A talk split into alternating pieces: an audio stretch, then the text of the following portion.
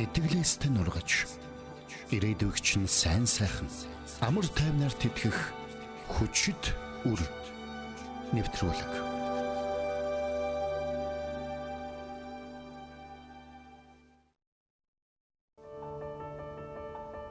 Би чи хөтөлбөрийн чиглүүлэгч багш Дэлгэр маа байна. Харин би Отгон сүрэн.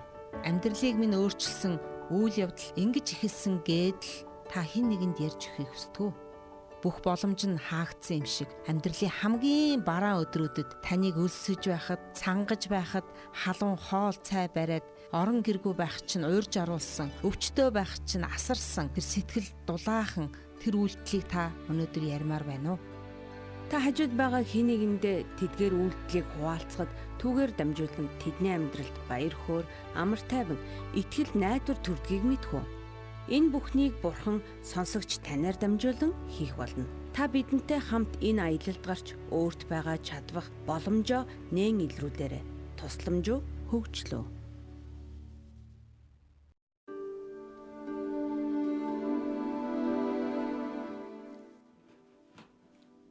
Итгэл радиогийн хүчит өр нэвтрүүлгийн нэгэн шин дугаар хүрэхэд бэлэн болсон байна. Эфирт маань сургагч агш отхон сөрөн болон манай зочноор Сами пастор маань бас оролцож байна. Тэгээд манай зочин хөтлөгч Янчка маань төвчрөлд ороод бас ирж байгаа тий. За тэгээд хүчит өр нэвтрүүлгийн шин дугаар их хөө эхэлж байна. Бүгдээрэнд нь цоошин өдрийн минь бас цоошин цастай. Тэгээ шив шинхэн дахиад дэлхийн түүхэнд 2023 оны 12 сарын 5 гэж давтагдахгүй юм түүхэн гоё цоошин өдрийн мэндийг хүргье. За өглөөний мэнд тийм. Өглөөний мэнд.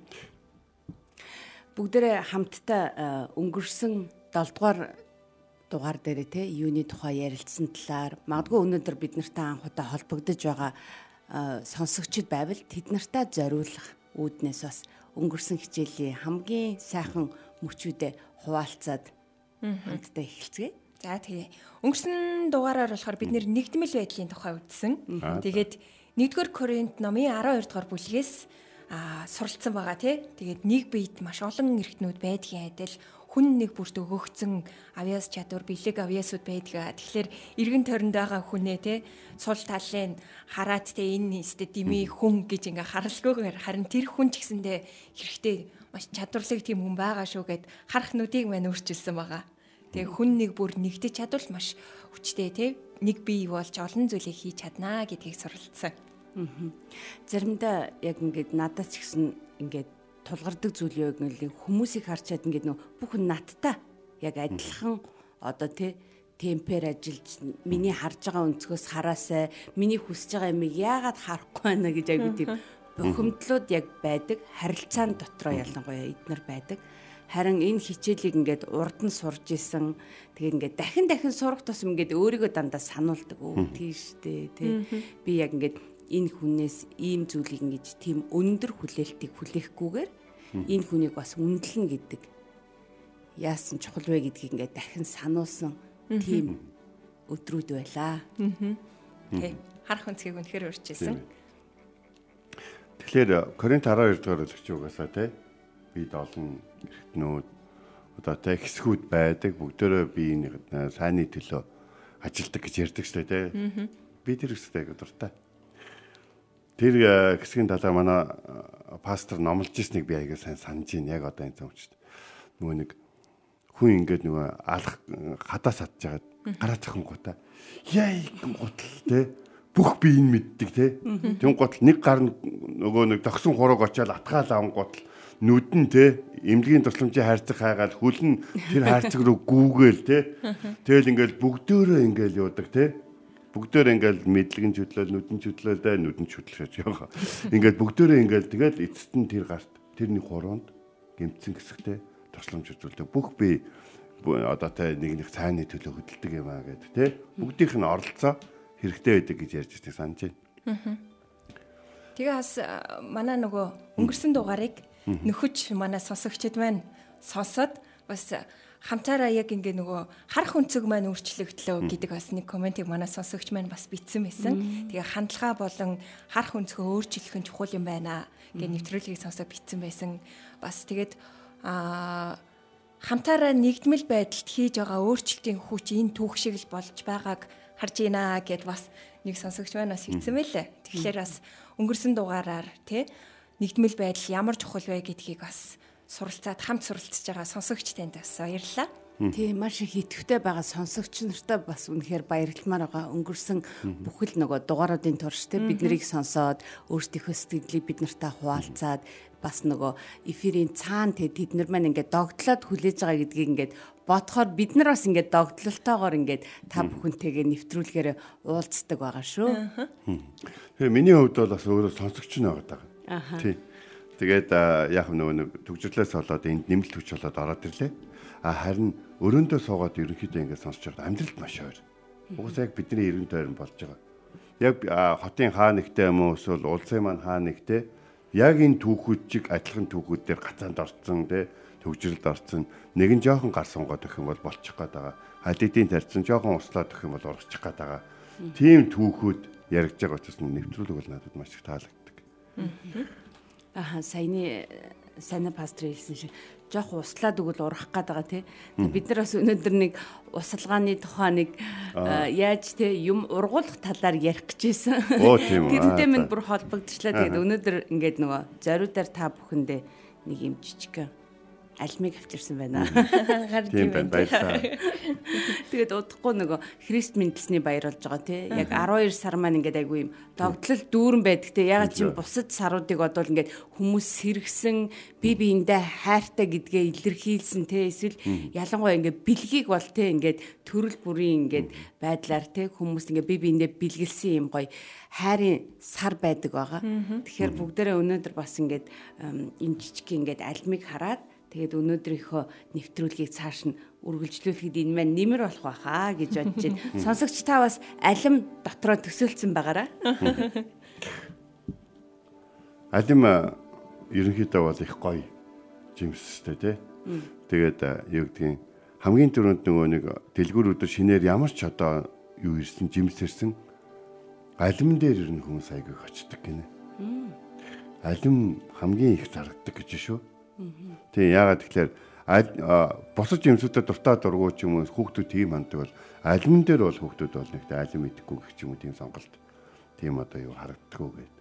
Нэг худалдааны төлөөлөгчийн хэлжсэн үгийг бол санаж байна. Тэгэхээр хүн болгон л алимнд дуртай тийм. Намайг жоохон байхад нөгөө бид нарт одоо тийм олон төрлийн жимс ерөөсөө идэж үзээгүй те. Тэгээд нөгөө яг л ингээ шинэ жил болохоор нэг гоо ингээл дэлгүрлөө юм уу? Гэрт орохоор нөгөө ээж ингээд нэг тор дүүрэ алим авцсан байвал алим мандрины үнэр бүр ингээд амар юм бор цаасан ууттай бүр. Тэгээд тэр нь задраад уу? Цаас уудан задраад. Тийм Юудрээс нэг удаа манай ингээ нэг охин тийм ууттай алим авчираад бид нар идчихэд дараад нь уутын дамжуулж үнэрлээд. Өө за за бүр. Тийм гоё эсэн гэдэг. Алим гэдэг чинь нэг тийм амьдралын том том дурсамжууд ихтэй шүү. Зөвхөн жимс хараад байсан. Асар их амьдралын одоо түүхүүд шууд дурсамжууд бодогдож ирж байна шүү дээ, бид нар чинь бас нөгөө манай ч хичээлүүд маань дандаа ингээд нөгөө амьдрал дээр те айгу ойрхон зүйлүүдээр ингээд хоорондоо ярилцаад гаргалгааг нь гаргаад те өө ингүүл айгу зүгээр шүү гэдэг бас дандаа ингээд нөгөө түлхүүрүүдийг ингээд хүмүүст өгж идэг. Тэгэл хаалгаа онгол гол орох юм бол зөндөө их нөөцүүд зөндөө их боломж байгаа шүү гэж дандаа урамшуулж идэг. Тэгээд өнөөдөр минь хичээл болохоор хамтдаа яаж те математикийн ухааны нэгэн тэмдэглэгээний талаар ярилцах байхаа бид нар болохоор ингээд нэг өсөлтийг те яг нэмэгдлэр ингээд нэг дээр нэмэх нэг тэнцүү 2 гэж боддог бол өнөөдөр бүгд хамтдаа яаж үржих вэ гэдэг талаар хамтдаа сурцгаая. Тэгээд алимны талаар нэг яриаг хамтдаа сонсцгаая. За тэгэхээр. Би алим идэх дуртай. Хэн нэгэн надад алим өгөхөд би үнэхээр их баярлдаг. Амтрахын идээд л идээд л үнэхээр жаргалтай.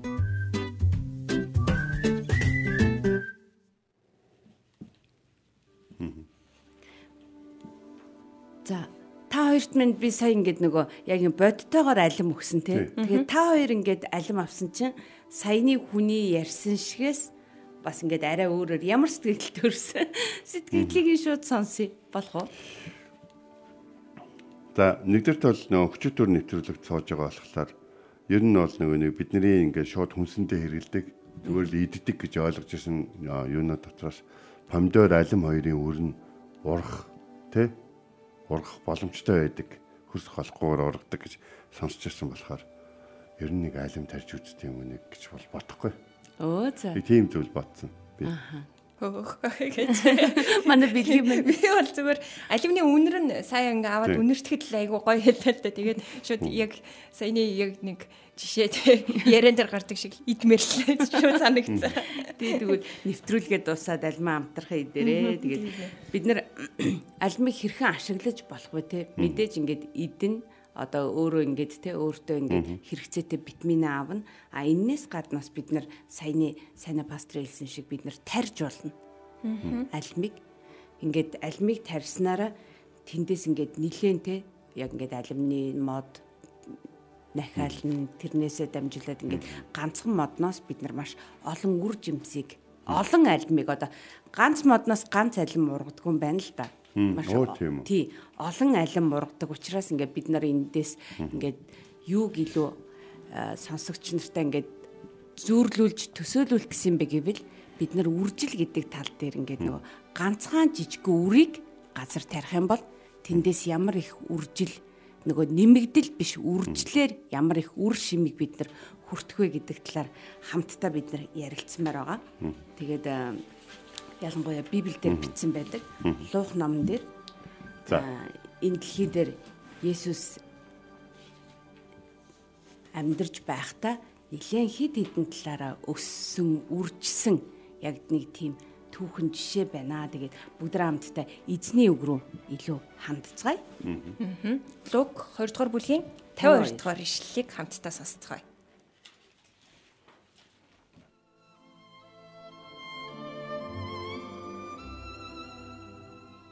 Есүсийн бие болон мэрэгэн ухаан нь өссөөр байсан бөгөөд Бурхны болон олон түмний тааллыг олжээ.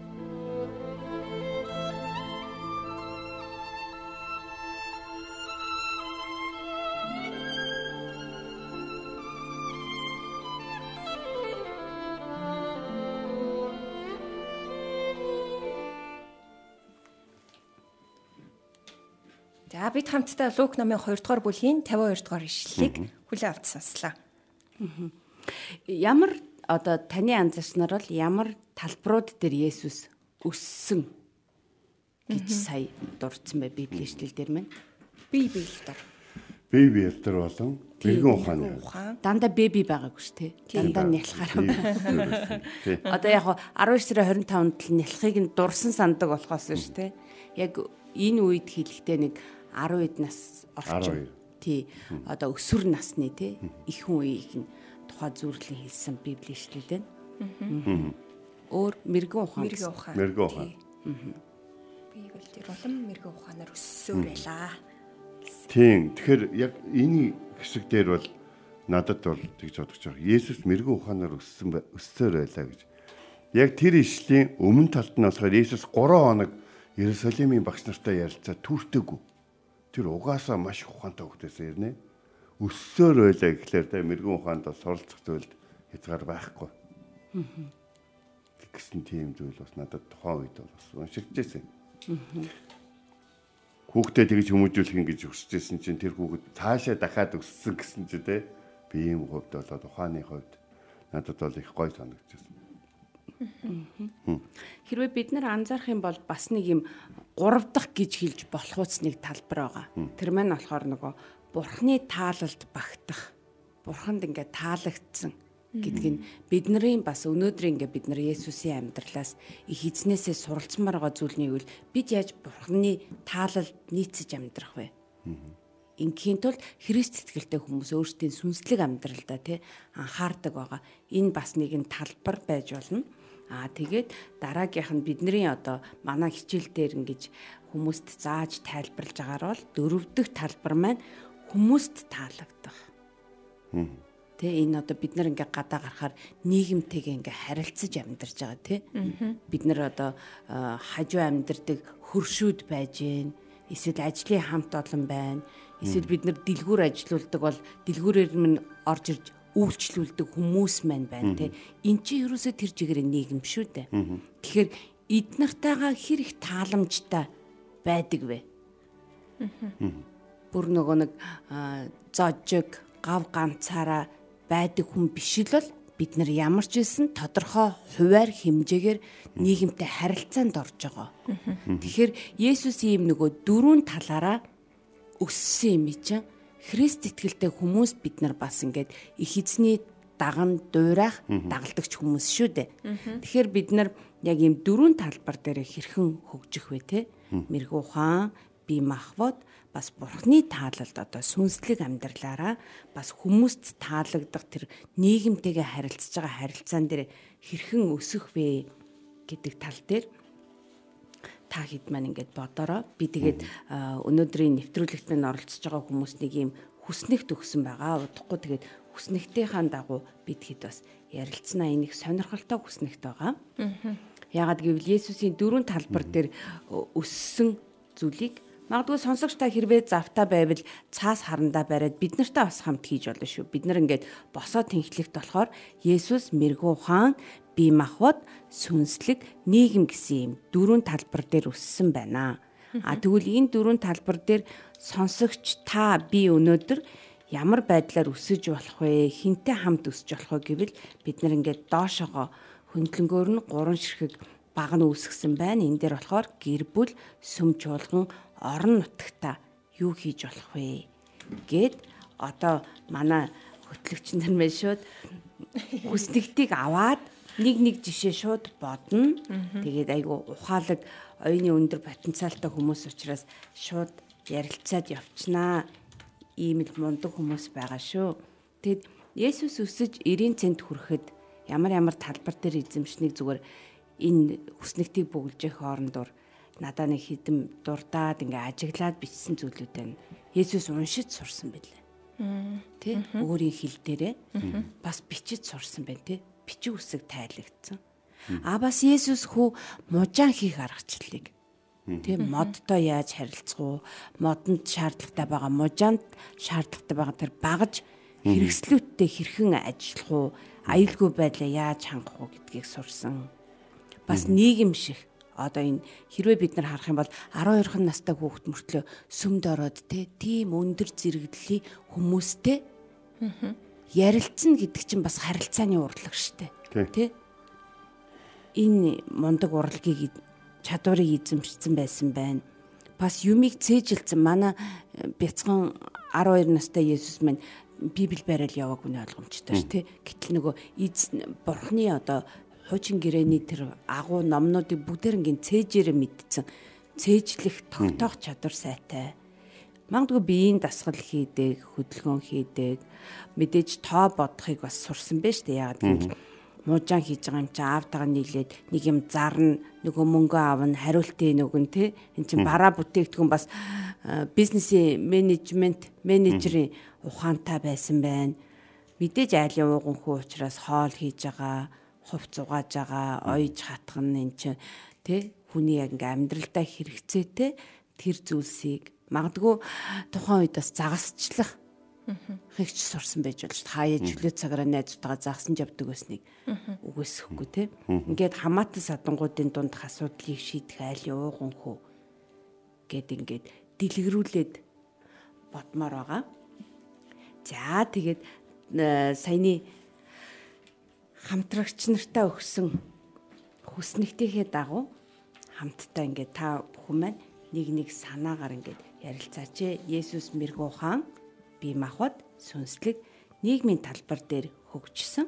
А тэгвэл өнөөдөр бүгдээрээ хамтдаа бид нар энэ талбар дээр яаж хөгжмөр байгаа вэ? Одоо удахгүй 24 он гарах гэж байна шүү дээ. Тэгэхээр бас жижигхэн ингээд нөгөө бид нар өөртөө тавих зориг байж болно тий. Аа за би 24 онд игмээр байна. А энэ тал дээр яг ямар алхам хийх үү гэд ингээд нөгөө юм бодтой тий жишээлбэл за би одоо бие махбодын тал дээр гэх юм бол за би ерөн ингээд аягшаацгаа жоохон нэх угааж оролцож чаддггүй шүү гэр бүлийнхэнтэйгээ. Тэгвэл одоо ингээд яг тэд нартай ингээд үйлчлэхийн тулд те одоо гэрээ 7 хоногт ингээд ядаж нэг 4 орой аяг шаазангаа цэвэрлэх ч юм уу, гэр орноо цэвэрлэх ч юм тэ хогоо шүрдээд нэг шалгааг багт нь туслаяач гэдэг юм яг тиймэрхүү юм бодтой хөөрх юм алхмуудыг хамтдаа ярилцъя. Тэгээд надаа болохоор нэг хүний өөрийнх нь ингээд өөрт нь хамгийн таалагдсан зүйлийг ингээд бичсэн нэг зүйлийг би та бүхэндээ уншиж өгье л доо сүм чуулган дээр болохоор юу гэсэн бэ гэвэл за би болохоор даваа гаргуудад нэм гаргийн сургаалыг хэрэгжүүлэх тухай чимээгүй цаг хийнэ. Ингиж одоо мэрэгүү ухаанаараа сурнаа гэд нэг пастор маань бас ингээд өөртөө за өчигдрийнхаа сонсон сургаалыг те даваа гаргаас эхлээд яаж хэрэгжүүлэх тал дээр ажил ингээд ажилланаа. А тэгэнгүүтээ бие махбодын тал дээр гэсэн чи бодож байгаа тухайн пастор маань юу гэж хэлсэн бэ? Өө сүмийн урд талын явган хүмүүсийн халтаргааны одоо зам ингээд зам нэлээ халтардсан байна л да. Тэрнийхээ ингээд mëсийг цэвэрлэнэ. Тэгээд дараагийн юм гараг цуглааны итгэгч нар маань ирэхэд халтарч бэртэж унахгүйгээр ингээд аюулгүй байлганаа гэж ирсэн байна. За тэгээ сүнслэг тал дээр тэр пастор маань юу гэж хэлсэн бэ гэвэл за би сүмийн пастор ахлагч нарынхаа төлөө одоо өдөр болгон Тэ энэ 7 хоногт ингээд яг өдөр болгон ингээ хамт тэднийхээ төлөө зуучлан залбирнаа гэсэн байна. За нийгэмдэр болохоор за нийгмийн талдаа хандаад чуулганыхаа итгэгч нарыг гэртээ ураад кофегоор дайлий бас гудамжинд зогсож байгаа хүмүүст халуун кофе бэлдээд аваачиж ажлынх нь одоо тэ нүүрс зарж байгаа тэр одоо э, ус түгээгүр дээр зогсож байгаа тэр хүмүүст кофе тараана гэсэн юм жижигхэн үйлдэлүүдийг ингээд өөртөө хэрэгжүүлэх гээд ингээд битсэн байна л да. За сайн пастор хувьд. За би бас сайн бөглөөгүй л байж ин л да. Тэгээд За сүм чуулганы хувьд гэдэг юм бол ерөөдөө болж байгаа нь цуглааныхаа номын сан жоохон илүү хэрэглээ болгоё гэсэн бодолтой байгаа тий. Тэгээд өөрөө номын сан чинь бүр байгаад Тэг яг тэр нөгөө хүмүүс одоо нөгөө номтой яаж харцдаг гэдэг сайн мэдэхгүй байгаа болохоор тий. Цуглаан хичнээн их ном байсан ч гэсэн явахгүй байгаа юм болов гэж бодсон. За тэгээд нөгөө тал дээр бол бие махбодын тал дээр бол харин яг юм бодоогүй байгаа юм. За би ер нь сайн бүглөөгүй байна. Аха. Тий. Хэрвээ зүгээр шууд нөгөө санаа орж ирвэл та бас хуваалцж болж тий. За таныг бодож хоорондор бэлгээд мэн ямар би болох нөгөө гэр бүлийн талаас нь эхлээд бүхлөд явж илээ л та. Тэгээд нөгөө нэг нийгмийн талбар дээр илүү одоо хөрштөгөө танилцт юм уу гэж бодлоо. Ерөөсөө ингээ хөрштөгөө таарддаг байхгүй юу? Таарлцдаггүй.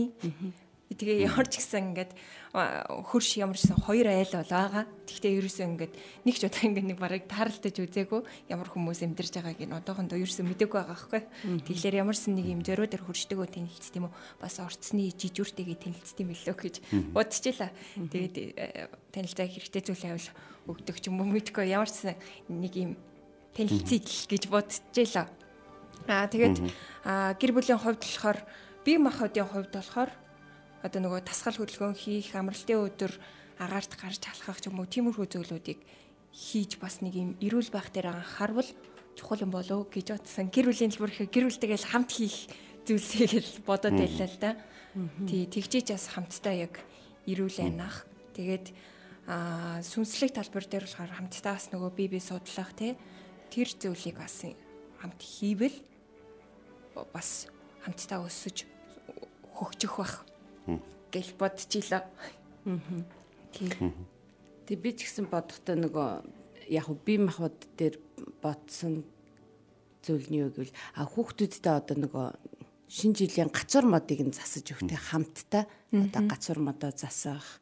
Тэгээд мэдээж яг ингээд бид нар дурдж байгаа шиг Христ мэндэлсний баяр болж байгаа учраас магадгүй баяраар хин нэг нэг ингээд гэртээ өрөө те одоо ингээд бодож жагаад илүү ингээд яг бид нартай одоо харилцаа холбоо нь те илүү ингээд э, шаардлагатай байгаа хамтдаа илүү гоё дотн нөхөрлмөр байгаа хүмүүсийг мэдээж бид нэр сүм чуулган дээрээ бол Христ мэдлснийхаа баярыг бол тэмдэглэнэ. А тэгтээ гэртээ ингээд зочин уурах талаар ингээд бас бодож ин л да. Нилээн хид хэдэн жилийн өмнө байнга уурдаг байсан. Тэгээд сүүлийн үед ажлын онцлогоосоо болоод болцсон учраас бодоол аа гэртээ нэр хүн ураад гоё хоол хийгээд хамтдаа ингээд ширээ тойрж суугаад дотн яриа өрнүүлвэл бас их гоё үлрэл шүү. Тийм бас боломж те өөр өдрүүдэд юу хүмүүс нэг зорж ирэхгүй штэ. Тэгэл оо шинэ жил болох гэж байна. Христ мэндэлсний баяр болох гэж байна. Ирээрээ гэвэл хүмүүс ирээд бас сайн мэдээ сонсох боломжтой мó. Аа. Тийм бай тээ.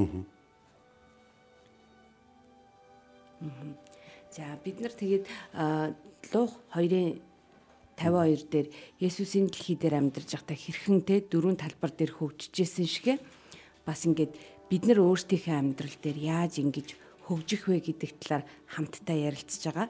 Магадгүй сонсогч та бас энэ талаар ингээ бодоод мэдээж ингээд мэрэгүү ухаанаараа бас ингээд бие махбод сүнслэг бас нийгэмтэй харилцах харилцаан дээр ирж байгаа өдрүүдэд багтаад ямар жижигхэн алхмуудыг хийж чадахгүй магадгүй хэрвээ та э, сарын сүүлд ингээд хамтдаа эзний өмнө ирээд залбирдаг бол бас ингээд 24 онд те би яг энэ талбарууд дээр юу хийж чадах вэ гэж илүү юм нэг хувийн одоо төлөвлөгөө гаргахтаа бас Есүс шиг ийм дөрвөн талбарыг бодоосой гэж хүсэж байна. Тэгээд би болохоор одоо ингээд бас хоёр хамтрагчигаа урайдмаар байгаа байхгүй 24 онд одоо яг зөвхөн өөрийнхөө талаар бодооч.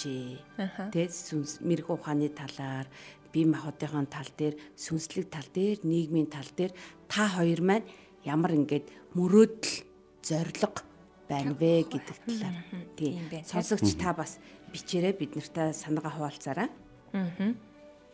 Тэгэхээр мэрэгэн ухааны хувьд бас суралцах зүйлс маш их байд юм байна. Нөгөө нэг энийг нэг хийх юмсан гэчихэд нэг юм хойшлуулсан зүйл лээдэн штэ. Гинт тэр нэг санаанд орчлаа. Би нэг юм аа толгойн нэг юм нэхмэл Одоо малгай шиг тийм зүйлийг харсаахгүй. Тэгээ нэг нэххийнсээ ингээ өг нь утас зүгээ ингээ авцсан. Тэгээ ерөөсөө ингээ нэхэд цог тийм цав ерөөсөө гарахгүй байгаа таахгүй. Тэгээд яг тэрийг нэг харж агаад дөрөгаад хийхийнсэн гэдэг юу байгаа юм. Тэрийг яг хэрэгжүүлэе гэж бодлоо. Юм бас хийж сурнаа. Тэгэхээр хүн болгонд те нөгөө суралцах хийх гэдэг нэг зүйлүүд байгаа шүү дээ. Хоол хийх чинь өөр талаас суралцах чадвар байгаа шүү дээ. Бидний хувьд бас. Тэгэхээр янз бүрийн хоол хийж сурвалаас гоё юм байна. Тэгээ тэрүүгээрээ хүмүүсийг Крисмсийн үеэр бас дайлвал бас гоё нах тий. Тийм байна. За миний хувьд бол нөгөө нэг ер нь бол энэ 2024 онд жоохон би биедээ анхаарал тавьсан бодолтой байна. Өө за. Тий. Тэгээд түрүү нөгөө нэг хин бэлгээг нөгөө нэг хөршүүтэйгээ танилцъя гэдэг ингэсэн чинь би энд энэ дээр сая өнгөрсөн жил маш юм одоо юугүй харамссан гэдэг юм уу? Шоконд орсон гэдэг юм нэг юм болсон. Тэр нөхөр манай нэг хөрш ерөнхийдөө бол 11 жил хөрш байсан хүн маань манай нагцын хатан бай таарсан байхгүй. А тэгээ таарлаж байгаагүй ерөөсөө. Гэхдээ ерөөсөө. Би нөгөө жоохон завгүй учраас бүр айгаа олон удаа харьцажсэн те. Танах нахагаа уяач гэдэг ч юм уу те. Яагаад ингэж юугаад байна энэ цахилгааны юу ингэж байна гэдэг ч юм уу те. Ой танах ингэмээр энэ тэгмээр энэ гэдэг ч юм уу. Тийм маргааны байдлаар ч мэдээлэл солилцох байдлаар олон удаа харьцажсэн нэ нэг өдрөл ээжийнхаа дүү тэр хашаан дотор явж байгааг харахгүй.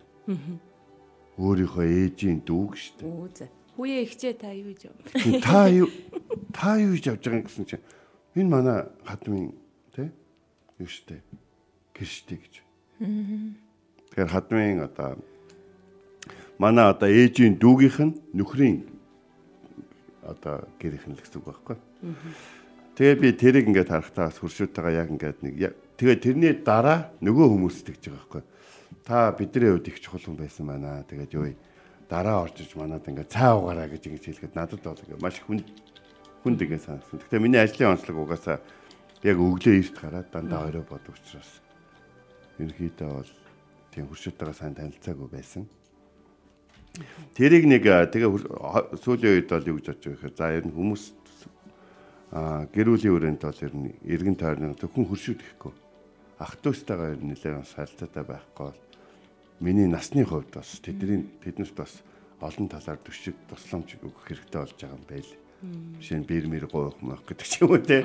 Тэ насны хувьд тэгээд одоо залуу олон гэрүүлүүд бий болж байгаа учраас дүүнэртэй бол туслах шаардлага бол ах хүний хувьд бол маш их гарч ирж байгаа байл. Одоо ингээ манай ээжийн зээ охиных нь охин байгаа штэ. Тэр ч одоо ч дөрөвт үе нэ. Тийм тэгэхээр чин би бидний хувьд бол маш том нах зах болсон байна. Нахцыг яатлан дөш мөш гэдэг л монголч те. Тэгэхээр нах захын хувьд бол хүмүүст хийж өгөх зүйл их олон байгаа юм байлээ. Тэгээд тэрийг бол сая бодоол сууж ялаа. Тэгээ ер нь тэгээд нэг миний хувьд ингээд ямар нэг юм төлөвлөх юм бол тэрийг эхлээд нэг хуваалцдаг. Тийм одоо юу та төрлийн хүн байхгүй. Тэгээ нэлээд ингээд явж хэлсний дараа яагаад энэ бүхнийг хийж байгаа гэхэд надад ийм юу байгаа гэж ярьдаг тийм тийм төрлийн хүн байхгүй. Юу гэдэлээ нөгөө ямар төрлийн хүн гэдэг лээ нэг дөрвөн төрлийн хүний нэг төрлийн хүн юм бэлээ. Тий. Нөгөө дотгош байгаа төрлийн хүн юм бэлээ ярина тас. Тий. Тэгэхээр 24 ондоо ч юм уу эсвэл одоо энэ 12 сарда бид нар ингээд ерөнхий Христ сэтгэлтэй хүмүүс маань бас бусад хүмүүс ч гэсэн ингээд нөгөө өнгөрснийг оноо айгүй их дүгндэг болчих тий мэдээж ингээд дүгнээд байгуулгаараа ажлын амжилт ололт эсвэл алдаагаа дүгнжээн хамт олноороо дүгнжээн бас гэр бүлэрээ зарим гэр бүлүүд дүгндэг байгаа тий өө энэ жид биднэрт юу юу болвоо юу юу тохиолдвоо гэд. А эсвэл хувь хүн өөрөө тий бас ингээд суугаад эзний өмнө ирээд янз бүрийн төлөвлөгөө гаргаад эсвэл ингээд дүгнэлт хийдэг байгаа. Тий сонсогч таныг бас урайлж байна. Би яг 24 онд өөрийгөө бас ингээд энэ дөрвөн талбар дээр бас хөгжүүлье. Яг ингээд бодиттой юм зүйл хий гэж айгүйх бас бодож байгаа. Мэргүү ухаан дээр болохоор за би ямар ч байсан нэг юм сургалтанд сууя да. Ямар ч гэсэн ингээд нөө тасралтгүй ер нь нэг сураад өөрийгөө ингээд э, байнга ингэж нөгөө шинчилж бай гэдэг тийм жоохон зоригтой төрлийн хүн. Тэгэхээр нэг сургалтанд сурыг гэж бодож байна. Би махуудынхаа хувьд болохоор би айгүй олон нэг хэд хэдэн жил ингээ яриад хийхгүй байгаа нэг юм байгаа нь ингээд жоохон дасгал хөдөлгөөн хиймээр байгаа. Тэгээ миний сонирхдаг стил болохоор одоо юм бүжгийн төрөл байхгүй. Тэгэхээр ингээд ингээ гоё бүжгийн тийм клуб ч юм уу бүжгийн одоо дугууланд очоод 24 онд яг бүжгэлчих юмсан гэж бодож जैन бүжиг сурмаар байна. Тэгээд сүнслэг талбар дээр болохоор илүү ингээд нөгөө бид нар 8 дугаар чуулган дээр би бинийгээ урайлсан шиг ингээд сургаалтаа илүү анхаарах гээд одоо сүм чуулганы ахлагч пасторууд маань зааж байгаа сургаалаа ингээд одоо бэлтгэх явцдаа илүү ингээд өөртөө айгуу те. Нилээ ингээд дараагийн төвшөнд гаргасан олон тал олон зүйлээс ингэж судалгаа хийсний үндсэн дээр сургаалаа бэлтжээя гэж уриалсан байгаа одоо. Яг тэрэн дээрээ ингээд өөрийгөө бас илүү анхаарыг гэж бодож байна.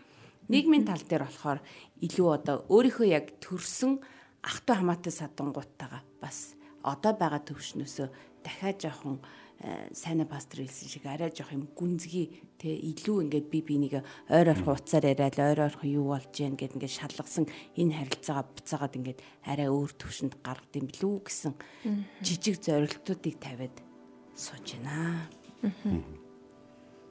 Миний хувьд болохоор яг нэвтрүүлгийн лайвын сонсоод л явууллаа. Тэгээд төгжрөл дундаас хоцроод ороод ирсэн уучлаарай. Тэгээд яг нөгөө мэрэгэн ухаан бие махбод сүнслэг нийгмийн гээд энэ талбарууд дээр болохоор ерөнхийдөө нөгөө нэг яг цогцоор навч явдаг байхгүй миний хувьд. А мэрэгэн ухааныг болохоор яг эзний үгээр хооллоод бие махбодыг болохоор яг нөгөө фитнест явдаг.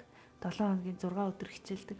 Сүнслэг байдлын хувьд болохоор бас яг нөгөө нэг нөгөө жоохон хүүхэдтэй тэгээ одоо давхар ажилдаа орсон болохоор яг библ бариад уншиж амждаггүй байхгүй юу?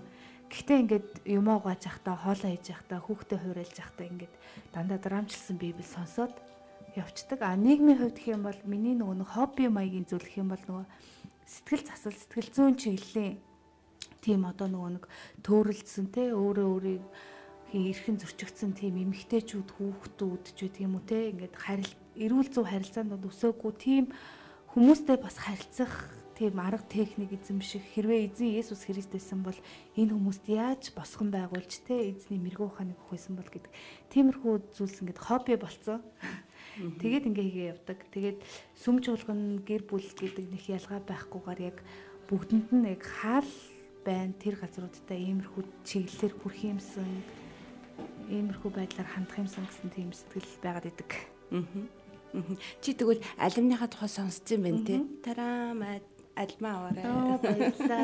Тэгээ бид нэр өнөөдөр үржлийн талаар ярьж байгаа. Тэгээд альман дотор байгаа жижигхэн те бяцхан үрээр дамжуулаад бид нар ингээд олон талбарууд дээр тэг нэмэгдэх биш үржих тал дээр ингээд Есүсийн бас амьдралаас суралцаад Есүсийнхээ дагалдагч нар учраас хэрхэн яаж үржих вэ гэдэг тал дээр ингээд сурж байгаа. Тэгээ бид нарт бас нөгөө борнуур сумын те мандал багийнхны мэ дотор болсон бас нэг юм гоё үржлийн талаарх нэг бодиттой жишээ байна. Олон жилийн турш Борнуур сумын мандал баг өдрөлгөө нэг л нөхцөлд хийж иржээ.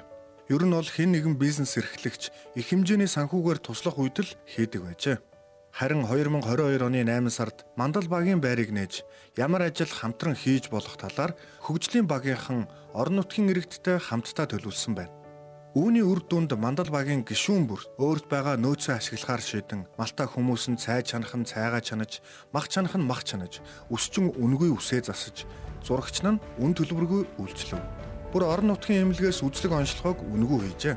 Хотод байдаг нэгэн асрамжийн хүүхдүүдийн өөрсдийн багадсан хувцас угааж цэвэрлэн хайрцаглаж явуулсан тул сургуулийн бэлтгэл дутмаг байсан хүүхдүүд хэрэгтэй зүйлээ авчээ. Ирчүүд өдөрлөгт идэвхтэй оролцсон хүчит бүхийн барилдаан, сурын харваа, дартс тоглон хамтдаа тун хөгжилтэй байлаа. Хотоос хөлөгт тоглоомын клубийнхэн ирж хэдэн ширээ засаад хөлөгт тоглоом тоглуулж, дуудуулж, суглаа ажиллуулж хүмүүс баяр жаргалтай нэгэн өдрийг өөрсдийн гараар бүтэв. Энэ бүхнийг зохион байгуулахад чуулган идэвхтэй тусалсан юм.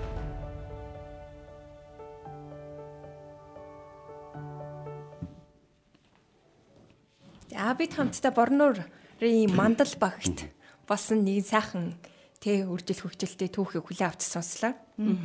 Яг энэ түүхэн дээр гарсан шиг одоо нөгөө удахгүй Христ мэндэлсний баяр болох гэж байгаа учраас яг иймэрхүү зүйлийг бас ингээд сүм чуулгануудаа хийгээсэ гэж бас сүм чуулганыхныг уриалж ин тэ.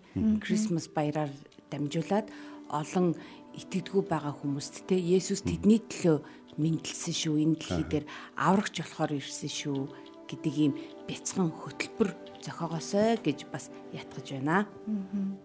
Тэгээд нөгөө бидний эзэн бас нөгөө бүтээгч учраас яг бидний зүрх сэтгэлийн гүн хэсэг бидний бүхий л хэрэгцээг мэддэг учраас зөвхөн чуулган гээл нөгөө эзний үгийг дамжуулаад яг тэр байр суурин дээр бат байгаад ах биш. Тэдгэр хүмүүсийн нөгөө хэрэгцээг нь харж тэ мэддэг чаддаг бүх зүйлээрээ яг л нөгөө өнгөрсөн дугаарынх шиг нөгөө эд эргэтэн болж чаддаг мэддэг бүх юмараа ингээ тэ үйлчлэл болгож тэрийг ингээ хүнд хийж гин гэдэг сэтгэлээр хариу авах гэж биш те. Яг эзэнд хийж өгч гин гэдэг зүрх сэтгэлээр хийхэд хүмүүс бас их хүрээд ах шиг байгаа юм те. Тийм байна. Тэг хүмүүс нөгөө нөгөө өөрсдөө нөгөө оролцоод ирэхээр бүр илүү нөгөө юм баяр жаргалтай байд юм байна. Хийж чаддаг юм аа нөгөө хийгээд ирэхээр. Сая энэ мандал багийнхан те өсчин нь үсээ тайраад зурагч нь зураг авч өгөөд ч юм уу те яг ингээ нөгөө ажиллаад ирэхээр тэндээсээ бас айгүй их юм баяр жаргалыг мэдэрж байгаа. Тэгээд өөрсдөд нь нөөт болцсон их байгаа юм байна гэдгээ бас олж харж байна. Нэг жишээ санаанд орж байна. Манай 805-ийн арт талд нүүрс зардаг гэсэн гадаа. Тэгээд ингээд зардаг байсан. Нэг удаа нэг залуу тэгсэн юм байлээ. Тэр залуу нүүрс зардаг залуу. Чи нэг хүүхдийг усны тэргээ төрж ирээд нүүрс авахтана. Чи тэр годомчны яг тэр хэсгийн мөсийг арилгачихдаг? Тэгэн бол нэг удаа ирэх жаах нь нүүрс үгүй. Үнгүү гэсэн юм байлээ. Тэгээд тэр хүүхэд нөгөө гэртээ нүртэ өргөж өгчөөд хурж ирээд аа нөгөө мүсийн ингээд яат юм байл та. Арилгацсан байл та. Тэгэхээр чи нөгөө хүмүүс нүрсээ аваад тэрүүгээр явахдаа асуудал болчихж штэ тий. Тэгээд дараад нөгөө нүрсний мөнгө ээж аав нөгөө нүрсэнд явуулж штэ нөгөө хөрөөд ирсэн чинь нөгөө нөгөө ах нь нөгөө залуу тэгсэн билээ би чамд үнгөө өгнө гэсэн шүү дээ чи тэр ажлаа сайн хийсэн. Харин наад мөнгөө бол чи өөртөө зориулаарай. Ямар хэлсэн байна. Тэгэхээр нэг ингээд хүн болгон өөрийнхөө чаддаг зүйлдээ боломжтой байгаа зүйл дээр хөдлөхөд бол гоё явах. Бас айгүй мэрэгэн ухаан гаргасан биз дээ тий. Тэгээд бид нарын бас нөгөө Монгол хүмүүст ингээд бурхнаас өгөгдсөн бас мэрэг ухаан гэж байгаа те. Яасан гайхалтай гоё жишээ вэ те. Хэдийгээр үл итгэгч хүмүүс ч гэсэн бас ингээд хайрын баяр гэхээр хүн болгоно л юу ингээд догтлоод яаж хүмүүст туслах уу, яаж бэлэг өгөх үү гэсэн юм гоё догтлол дүүрэн сартаага бид нар уучраа явж байна. Харин тий. Яг нөгөө нийгмийн талбар гэснээс би яг өнгөрсөн 7 хоногоос эхлээд ажилдаа орсон байхгүй юу. Тэгээ ингээ ажилдаа орсон чинь ингээд хүмүүс аюух ажлын ачаалал үүрэг хариуцлагаас болоод айгүй бохимдолтой болсон. Гэтэл нөгөө итгэгч бидний хувьд болохоор хамгийн баяртай тэгээ хүсэн үлээдэг догдолдог ингээ сар байсан чинь айгүй шал өөр уур амьсгалд ороод Тэгэд яг тэр орчинд айгүй гоё нөгөө гэрэл давс болох юмсан. Эсвэл гоё хөгжилтэй те гоё хайрлагдсан чи үн цэнтэй шүү чи маш сайн хичээлээ шүү гэдэг уур амьсгал зүг сэтгэл бас яг эзнээс өгмөр санагдсан. Тэгээ тэр тэр ч гэсэн бас яг нийгмийн талбарт өсөх аа чи бүх хэрэгцээтэй байгаа юм шиг надад санагдсан. Энд бас манай нэг сонсогч маань сонсоод өөрийнхөө бас хөгжлийн талбар дээр сэтгэл зүйн номууд их уншин да гэж бодож байгаа гинэ. Тэрүүгээр бас их хөгжнөө гинэ. Тэгээд гоё туршлага байна гэсэн байна. Тэгээд бидний бас яриаг сонсоод тэндээс бас олон зүйлийг бас хувьдаа хэрэгжүүлэх зүйлсүүдийг санаануудыг авч явах шиг байна. Тий баярлалаа. Ялангуяа одоо нөгөө Христийн сайн мэдээ ирээд ингээ 30 жил болсон сүүлийн үед ингээ нөгөө сэтгэл зүйн холбогдолтой маш олон сайн номнуудыг орчуулж байгаа нь яасан ерөөлтөө вэ те? Анх бид нар чи 90 онд юун сэтгэл зүй библи бүтнээр орчуулдаг байсан шүү дээ. Тэгэхээр эзэн үнэхээр тэр мэрэгэн ухааны номнуудаар дамжуулаад таныг ерөөх болтугай те? Улам илүү мэдлэгийг нь мэрэгэн ухааныг нь тэлэх болтугай. Тэгээ сэтгэл зүй гэснээс яг нөгөө чуулганууд маань яг нөгөө хүнтэй харьцдаг Хүнтэй харьцаас гадна яг зүрх сэтгэлийн гүн хэсэгт нь хүрдэг учраас яалтчгүй нөгөө нэг ахлагч пасторууд маань бас энэ талын чадвартай байх хэрэгтэй байгаад шаардлага гараад ах шиг байгаа тий. Тий. Чуулганы хувьд бол тахан багалтын л бол да. Нөгөө өсчин өсчнээ хийн гэдэг шиг тий. Үйлчлэлийнх нь үн сайн үйлчилж, пастор нь номлолтаа сайн харж, бусдыг халамжлах чадaltaй, бас энерхүү чадaltaй хүмүүс нь яг өөр өөртөө юм хийхгүй бол юмыг ингээ хүн дээр оролдож бас туршлага гэж бас хамаагүй болохгүй. Тийм баг. Тийм байгаад байдаг болохоор хичнээн сайн одоо юу гэдэг бид нар чуулганы өвчлөлтөөр олон удаа алдчихсан тохиолдол нь юу гэхээр чи сайн магтаал өдөрж байгаа юм чи гоё номлоо штэ гэж бодсон нь яг буруу байсан. Тийм. Одоо юу гэдэг Тийм тэгэхээр тустай хэрэгтэй байсан байгаа байхгүй. Тэгэхээр нөгөө нэг хамраа жигчээ уруугаар алгасан дээрстэй гэдэг үгээд тий. Тэгэхээр нэг тийм яг хөтөөр сонирхолтой хөгжилтэй байдлаар жишээ бол тийм байсан. Гэхдээ энэ сэтгэл зүйн талын асуудал бол одоо манай Монголын нийгэмд бол асар их болж байгаа учраас эзний хорогдох газар болсон сүм бол үнэхээр хүнийг те сүнсний өвчгсөн сэтгэлийн өвчгсөн маш их юм амардаг газар байгаасаа тэнд бас бусдыг сонсдог эзний төдөөлөл болсон зүр сэтгэлтэй хүмүүс олон байгаасаа гэж бол залбирдаг шүү. Сэтгэл зүйчд олон болоосаа гэж залбирдаг. Тэг бид нар ингээд хэрвээ та ямар нэг юм чадаад түүнийг ингээ хин нэг үнд зааж өгөх юм бол бид нар нөгөө нэмэгдэл биш үржил юм шүү гэдгийг ингээд энэ нэвтрүүлгийнхаа туршид ингээд хүмүүстэй тий сануулмаар байгаа. Тэгэхээр сонсогч та өнөөдөр надтай хамтраад те энэ дугаарыг хөтлж байгаа та бүхэн маань та яг юу чадах вэ?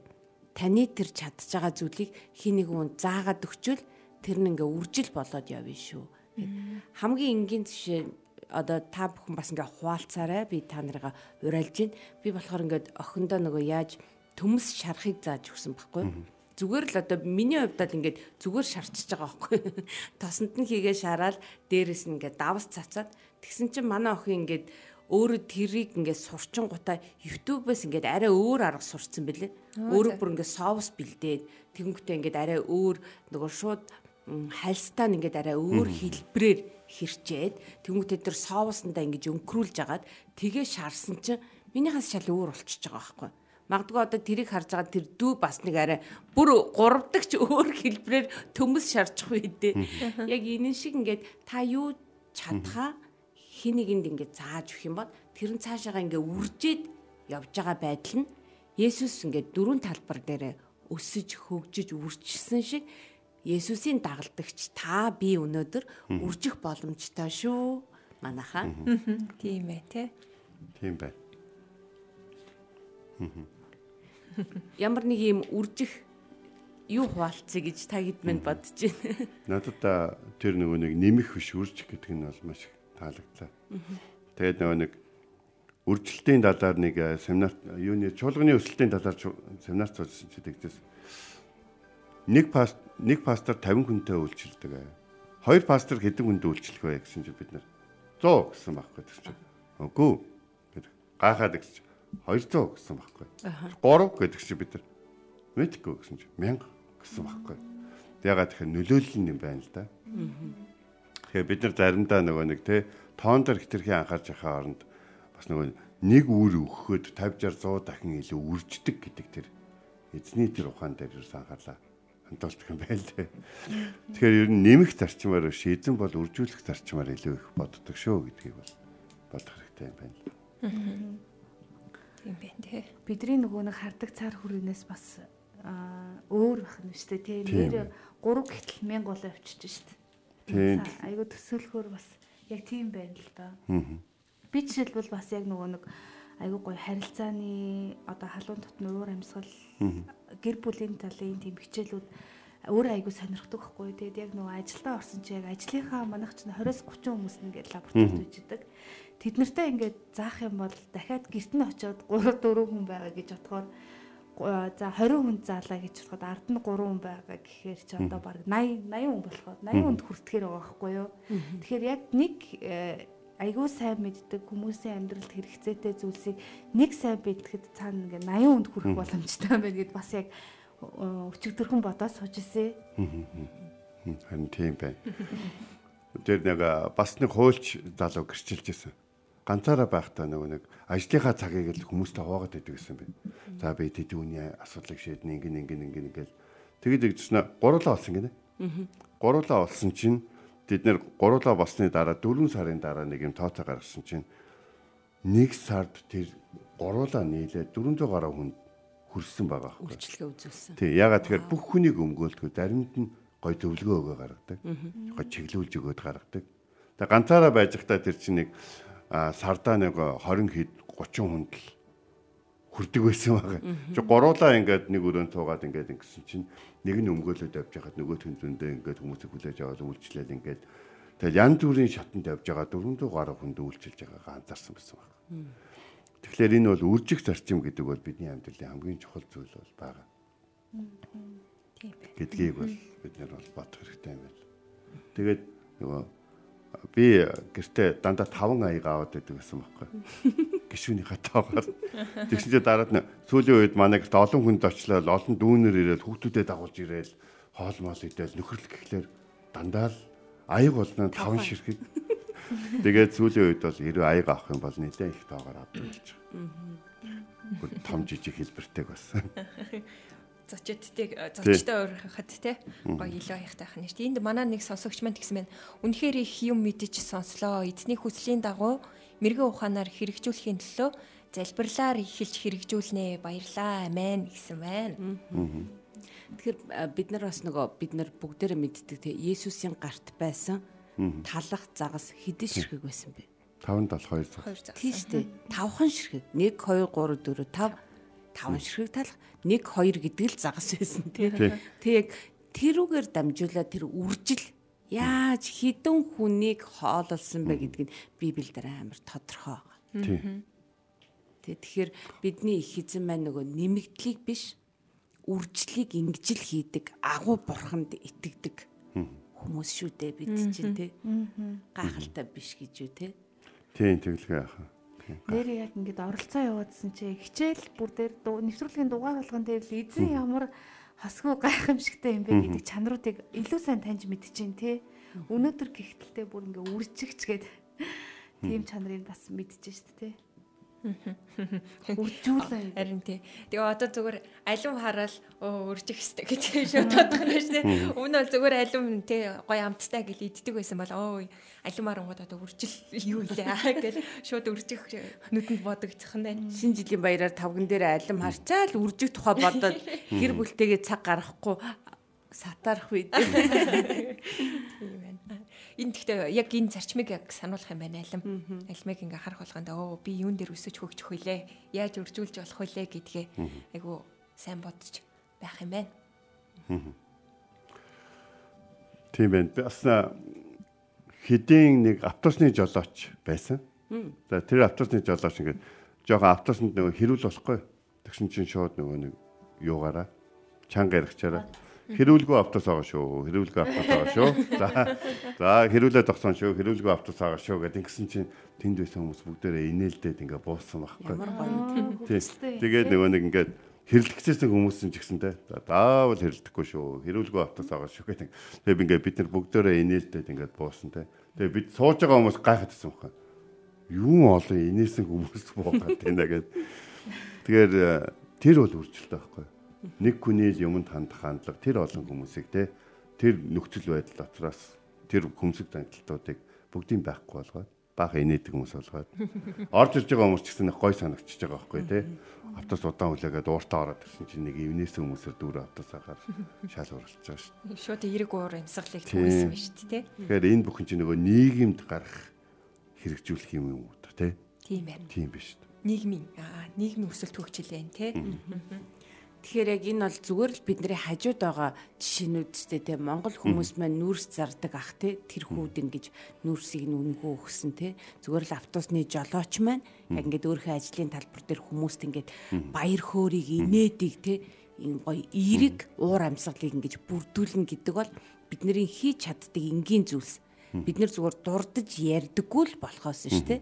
Тэгэхээр сонсогч таа ч гэсэн өнөөдөр бас яагаад ямар нэг юм хөөрхөн жижигхэн зүйлээр жижигхэн үйлдэлээр үржил хийж болохгүй гэж тий. Маш олон хүмүүст одоо манай Янжка минь хэлж штэ 20 эдэн ажилчтай очиод нэг юм хиймээр байна л гэж эзэн тэр санааг өгөөсөө тий. Яг тэр 20 эдэн хүнд зүгээр бүгдээрэнд нь ингээд тайвшруулах үг хэлэхэд гэртээ очиход нэрээ өөрийнхөө нөхөр хүүхдүүдтэйгээ эхнэр хүүхдүүдтэйгээ харилцах харилцаан дээрээ гой тэр тайвширлыг тэгээд очих нь дээ. Тий. Тий? Яг үүншгээр сонсогч та бас ингээд ямар нэгэн тийм бяцхан үйлдэлийг бодоорой. Тий? Удахгүй ингээд Христ мэндэлсний баяр болох гэж байна. Заавал Христ мэндэлсний баярыг хүлээхгүйгээр өнөөдөр жижиг алхам хийгээрэй. Христ мэндэлсний баяраар өөртөөгөө хамт гэр бүлтэйгээ хамт эсвэл сүм чуулганаараа нийлээд тийм гайхалтай үржлийн ямар нэгэн тийм үйлдэлийг үлдээсэ гэж бас урайлж байна. За тэгээд нэвтрүүлгийн минь цаг өндөрлөх төхөж байна. Тэгээд а отхон сүрэн багшийн маань хэлж байгаа энэ одоо даалгавруудыг бас сонсогчдаа хийж үйлдэж эхлээрэй те жижигхэн зүйлээс асар том үржил бий болно гэдгийг өнөөдрийн хичээлээс бид нэр суралцлаа. Тэгээд нэвтрүүлгээ дуусхаасаа өмнө хамтдаа нэвтрүүлгийнхаа сайхан ураг хамтдаа сонсъё. Тэгээд хамтдаа хэлцгээе. Би Ерөөлийн сувг байхаар сонгогдсон амьд бурхны хүүхэд. Би Есүсийн үлсийг үргэлжлүүлэгч нэг. Би ариун сүнсний тусламжтайгаар урагцаа нөгөх хүч үр. За хамтдаа хэлцгээе. Би ерөөлийн сувг байхаар сонгогдсон амьд бурхны хүүхэд. Би Есүсийн үлсийг үргэлжлүүлэгч нэгэн. Би ариун сүнсний тусламжтайгаар урагцаа өгөх хүчит үр. Амен. Амен. Хүчөдөр нэвтрүүлгийн энэ удаагийн дугаар өндөрлөж байна. Бидэнтэй хамт байсан сонсогч танд баярлалаа. Ирэх 7 хоногийн мигмар гарагта эргээд уулзцгаая. Амьдралын тань хөрснөөс аз жаргал амар тайвныг ургуулах шидтэй хүчит үр нэвтрүүлгийг өсвөрийн дуудлага төрийн бас байгууллагатай хамтран бэлтгэлээ.